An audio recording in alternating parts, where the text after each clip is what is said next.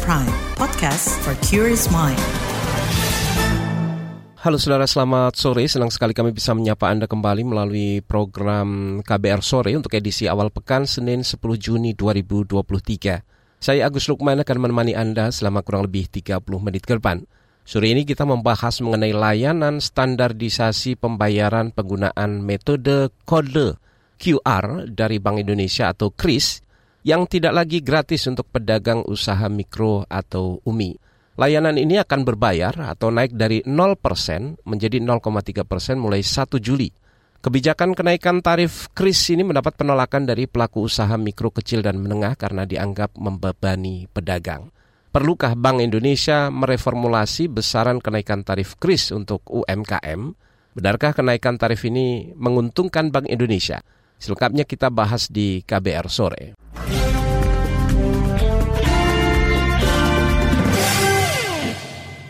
Saudara, Bank Indonesia menerapkan kenaikan tarif tingkat diskon pedagang atau Merchant Discount Rate atau MDR melalui sistem layanan KRIS.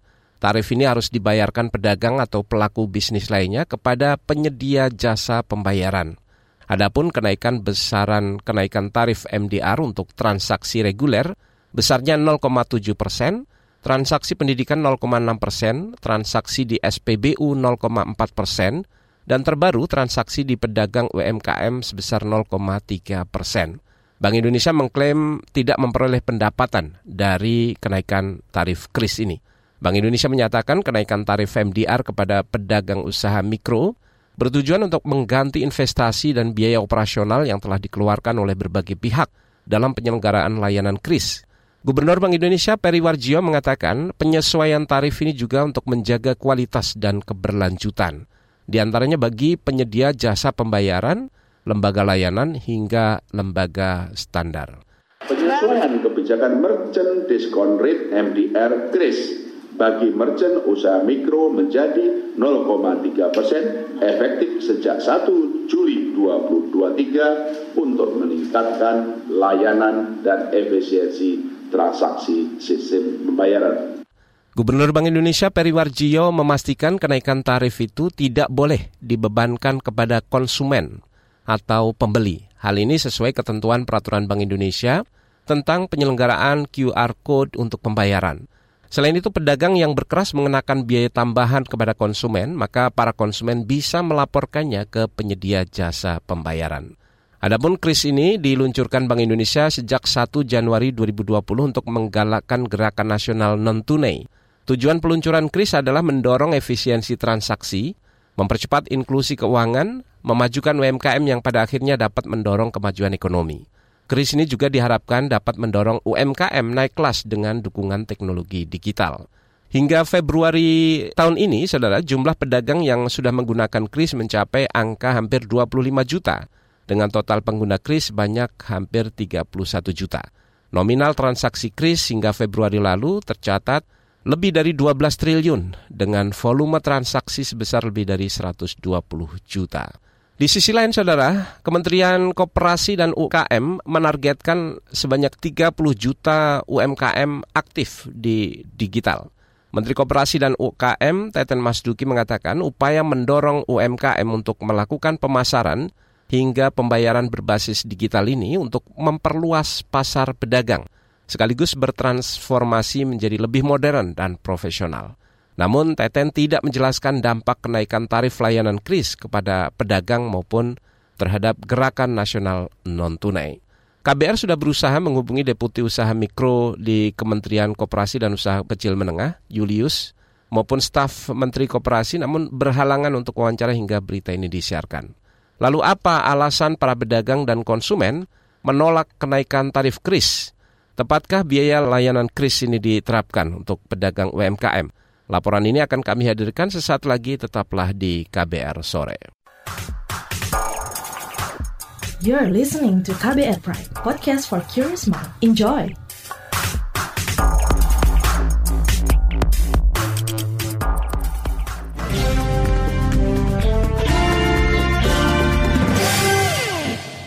Saudara, Bank Indonesia menerapkan biaya layanan kepada pelaku usaha yang menggunakan Quick Response Code Indonesian Standard atau KRIS Penerapan itu dilakukan di tengah upaya UMKM bangkit usai diterpa pandemi COVID-19. Tepatkah pembebanan biaya layanan kris ini atau justru akan memberatkan pengguna dan pedagang? Selengkapnya, laporan khas KBR akan kami hadirkan di susun jurnalis Khairunisa. Bank Indonesia menetapkan tarif baru Merchant Discount Rate atau MDR untuk layanan Quick Response Code Indonesian Standard atau KRIS per 1 Juli 2023.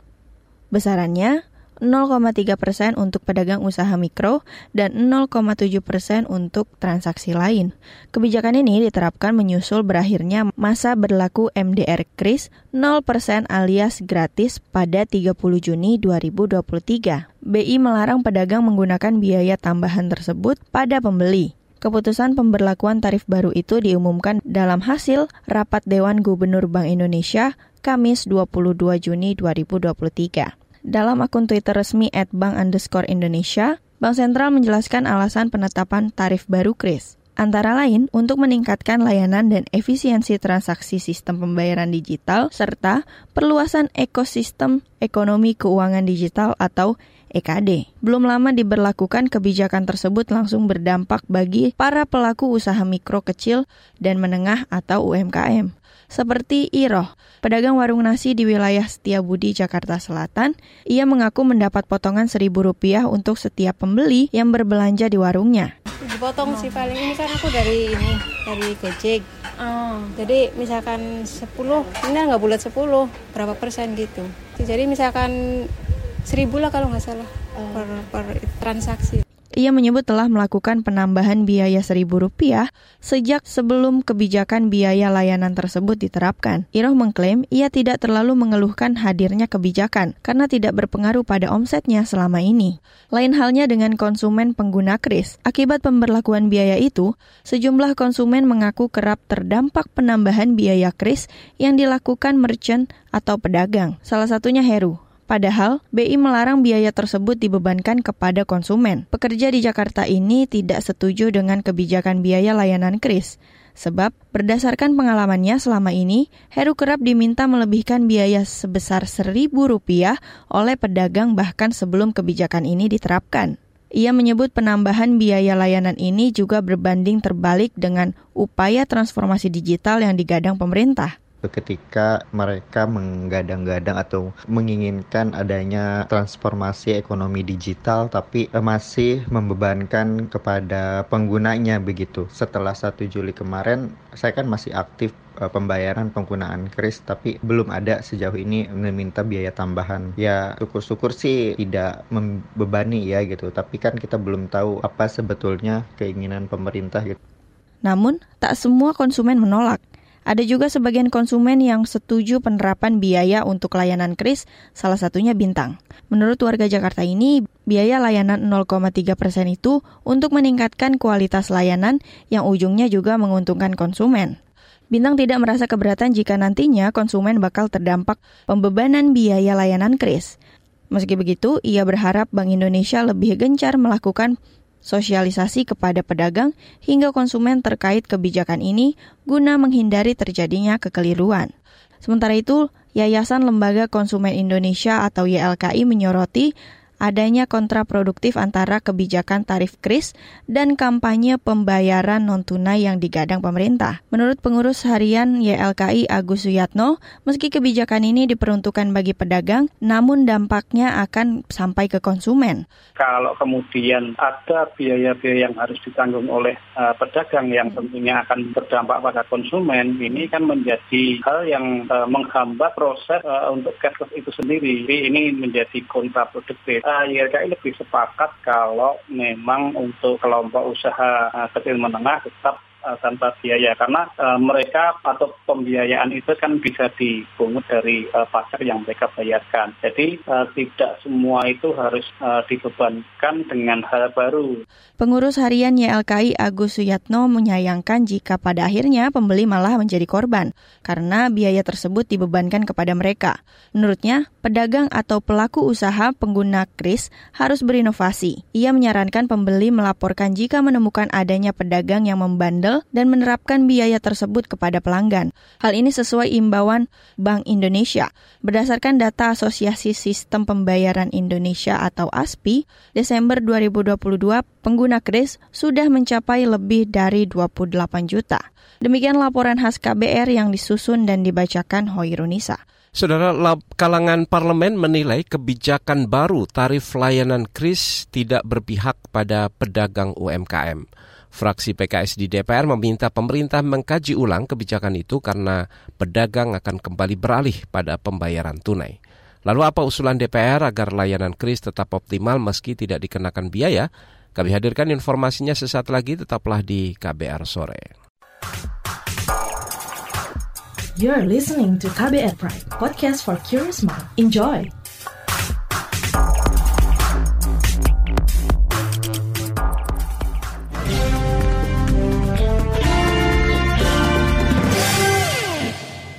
Kita lanjutkan KBR sore. Saudara, fraksi Partai Keadilan Sejahtera di DPR menilai kebijakan kenaikan tarif layanan kris dari 0% ke 0,3% untuk pedagang UMKM tidak berpihak kepada pedagang. Anggota Komisi Bidang UMKM dari fraksi PKS di DPR RI, Amin Aka menilai kenaikan biaya kris untuk UMKM ini tidak sejalan dengan semangat digitalisasi yang diharapkan pemerintah. Apalagi kondisi perekonomian masih dalam fase pemulihan. Apa tindak lanjut dari fraksi PKS terkait kebijakan ini? Kita simak perbincangan jurnalis KBR Astri Septiani dengan anggota Komisi Bidang UMKM di DPR, Amin Aka. Terkait kenaikan tarif kris yang dikeluhkan oleh sejumlah pedagang UMKM karena dinilai memberatkan, bagaimana pendapat DPR? Kebijakan ini menurut saya kok tidak kurang berpihak ya kepada para pelaku usaha mikro. Nah untuk ke depan ya orang yang sudah menggunakan itu kan akan mikir, jangan-jangan nanti ada kenaikan tarif lagi, pembebanan biaya lagi gitu. Nah, ini tentu tidak jalan dengan spirit ini yang kita desak dari Komisi 6, digitalisasi UMKM. Biar semakin besar, biar semakin mudah, biar semakin cepat, biar juga ada kehematan gitu, biar praktis masyarakat bertransaksi. Ya ini nggak apa menjadikan mereka mikir nantinya untuk uh, bersemangat menggunakan jasa layanan pembayaran seperti kris ini. Walaupun dari pihak Bank Indonesia misalnya menyatakan ini masih paling murah gitu ya dibanding dengan yang lain. Dan memang di UMKM itu juga paling murah 0,3 persen karena transaksi-transaksi tertentu ada SPBU berapa 0,4 ada yang 0,7 juga gitu loh. Tapi tetap ini tadi tidak sejalan dengan spirit uh, apa namanya digitalisasi UMKM dan juga uh, keberpihakan yang besar dari pemerintah kepada UMKM itu sendiri. Itu pandangan saya, Mbak. Terkait hitung-hitungannya sendiri menurut DPR seperti apa sih, Pak? Apakah memang perlu adanya kenaikan atau memang sebaliknya begitu? Justru tidak uh, diperlukan adanya kenaikan uh, tarif kris ini? sebetulnya tanpa mengenakan tarif pun sebetulnya kan uh, dalam hal ini perbankan atau penyedia jasa dan pembayaran yang bergabung dalam ASPI itu kan bisa mendapat sudah bisa mendapatkan keuntungan ya. Kalau dari perbankan kan minimal dengan putaran transaksi, kemudian bertambahnya banyak nasabah, ya kan otomatis kan, kan kalau nggak salah merchant yang sudah menggunakan kris itu 26 juta. 26 juta kalau ditambah dengan persen-persen bisa 30-an juta persen, eh, yang persen 30-an juta. Ya, otomatis kan mereka menjadi nasabah di bank dan otomatis kan ada uang yang juga masuk putaran transaksi kan. Kemudian bagi pelayanan apa jasa penyedia pembayaran itu kan juga mereka ada uang yang mengendapkan ya. Misalnya saya nih pelaku UMKM, saya kan harus me, ada di uang saya di di anu saya apa kartu saya lah begitu. Juga person yang mau melakukan transaksi itu kan juga harus seperti saya yang bayar etol kan di kartu etol saya kan juga ada kan mesti saldo sejuta atau berapa dan itu kan uang mengundap yang juga menguntungkan buat mereka gitu loh jadi kalau dikenakan biaya 0,3 persen dari setiap transaksi ya memang ini ada apa dari BI bukan anjurannya sifatnya ini ditanggung oleh merchant ya tidak boleh dibebankan ke konsumen. Tapi merchant kita kan pelaku umi ya, usaha mikro ini kan tentu ini sangat signifikan buat mereka. selain di awal sudah dikenakan biaya berapa uh, adminnya. Kalau saya berapa 30 ribuan atau berapa untuk mendapatkan kartunya.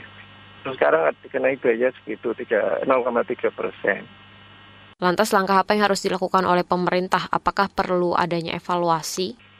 Kita tolong nih, seiring dengan era digitalisasi seperti era e-commerce seperti ini, pelaku, pelaku UMKM kita harus meningkat ya meningkat dari berbagai aspeknya pembinaan dari sisi kualitas produknya kemudian kualitas jasanya dan juga kualitas layanannya Nah, salah satunya ya kita dorong untuk masuk ke wilayah digitalisasi ini di transaksi. Ya, biar UMKM kita juga nanti bisa uh, meluas pasarnya, nggak semacam di lo, nggak cuma lokal, tapi juga masuki di batas-batas negara yang lain minimal di ASEAN misalnya gitu kan mestinya begitu tapi kalau mereka ini baru-baru begini terus dikenain biaya-biaya gini itu menjadikan mereka secara psikologis mikir gitu ya jadi bertentangan dengan spirit itu gitu. Ya harapan kita begitu, jangan dikenain biaya lah pelaku UMKM.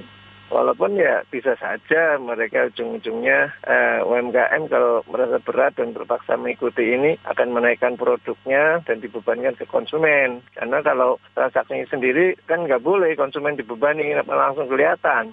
Tapi mereka akan menaikkan harga produk. Tapi bagi para pelaku UMKM kan nggak mudah mbak untuk menaikkan harga produk mereka itu. Nolkan sebagaimana semula. Kalau memang hitung-hitungannya sebetulnya sudah masuk.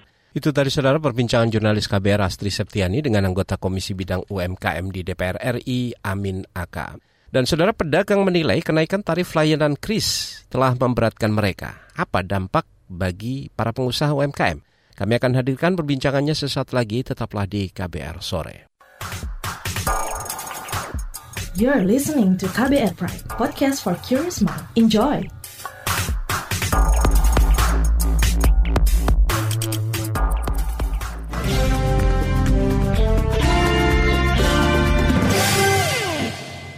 Anda masih mendengarkan kami di KBR Sore. Saudara, kenaikan tarif layanan kris kepada pedagang dinilai memberatkan mereka. Ketua Umum Asosiasi Industri UMKM Indonesia, Hermawati Setiorini mengatakan, kebijakan ini membuat pedagang kecil yang sudah menempel stiker kris terpaksa mencabutnya.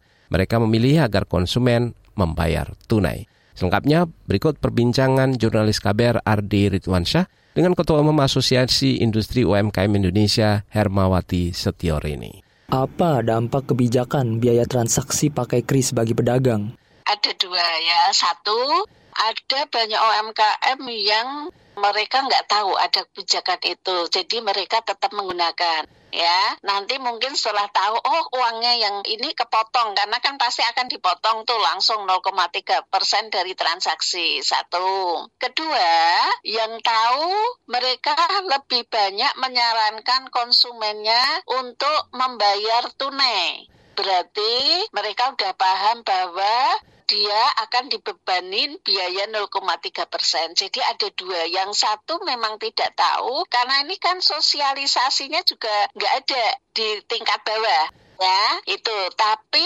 kalau yang sudah tahu kebanyakan mereka meminta konsumen untuk membayar tunai gitu atau debit Nah, kalau transaksi debit itu kan sebenarnya yang kena konsumen.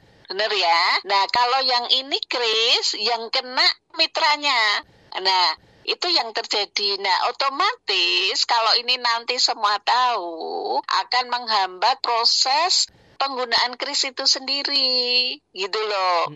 Jadi, apalagi maaf loh, kondisinya sekarang itu kan pedagang tuh posisi yang sangat sulit ya hmm. di kondisi sekarang. Harga-harga naik, ya kan? Terus kalau harga naik, ketersediaan barang juga tidak stabil.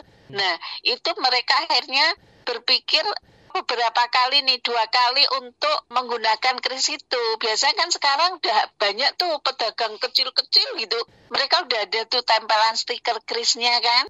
Nah banyak yang udah dicabut. Bagaimana pedagang menyiasati kebijakan tersebut Ya mereka kalau misalnya selama ini justru yang sadar kayak gitu kan justru yang pedagang-pedagang yang memang dia sudah punya pengetahuan tentang ini ya, mereka kadang akan menghitung lagi kalau menurut mereka itu nggak ada masalah, ya sebenarnya nggak apa-apa. Tapi kan mereka juga punya metode pembayaran lain, misalnya mesin debit itu loh mas. Nah mereka menggunakan itu.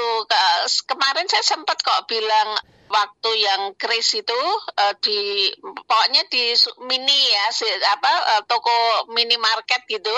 Nah mereka bilang error. Jadi hmm. saya beberapa kali mereka bilang error gitu. Kan nggak mungkin loh mas kenapa gitu? Kenapa apa minimarket kayak gini krisnya nggak bisa gitu? Nah mereka bilangnya error. Berarti kan mereka menghindar. Harapannya bagi pemerintah soal kebijakan ini? Harapannya sih sebenarnya sosialisasikan sebenarnya gini loh rakyat itu kan butuh keterbukaan sebenarnya. Oh diinformasikan 0,3 persen tuh gunanya untuk apa? Oh, gitu. Terus seharusnya banyak kenapa 0,3 persen? Gitu kan. Nah itu Sebaiknya pemerintah khususnya di Bank Indonesia bisa menyampaikan ini secara door to door lah kalau langsung kepada pedagang disosialisasikan. Supaya kebijakan 0,3 persen ini juga bisa diterima dan masuk akal. Karena ini sebenarnya kan bukan untuk membayar BI-nya, tapi merchant-merchant yang eh, terlibat di situ kan, eh, yang apa namanya menyelenggarakan metode pembayaran ini gitu. Mestinya dikaji ulang sih sebelum sebelum melakukan kebijakan ini sih menurut saya. Hanya hanya butuh waktu. Saatnya nggak tepat karena kondisi memang ekonomi ini memang lagi posisi nggak cuma Indonesia kan global, tapi kan di Indonesia juga banyak hal-hal yang harga naik ya tahu ini semua kan barang-barang masih naik juga. Itu tadi saudara perbincangan jurnalis KBR Ardi Ridwansyah dengan Ketua Umum Asosiasi Industri UMKM Indonesia Hermawati Setiorini. Informasi tadi saudara menutup jumpa kita di KBR sore untuk edisi hari ini. Hari Senin 10 Juli 2023. Pantau selalu informasi terbaru melalui situs kbr.id, Twitter kami di akun @beritaKBR serta podcast di alamat kbrprime.id. Saya Agus Lukman bersama tim yang bertugas kami undur diri. Salam.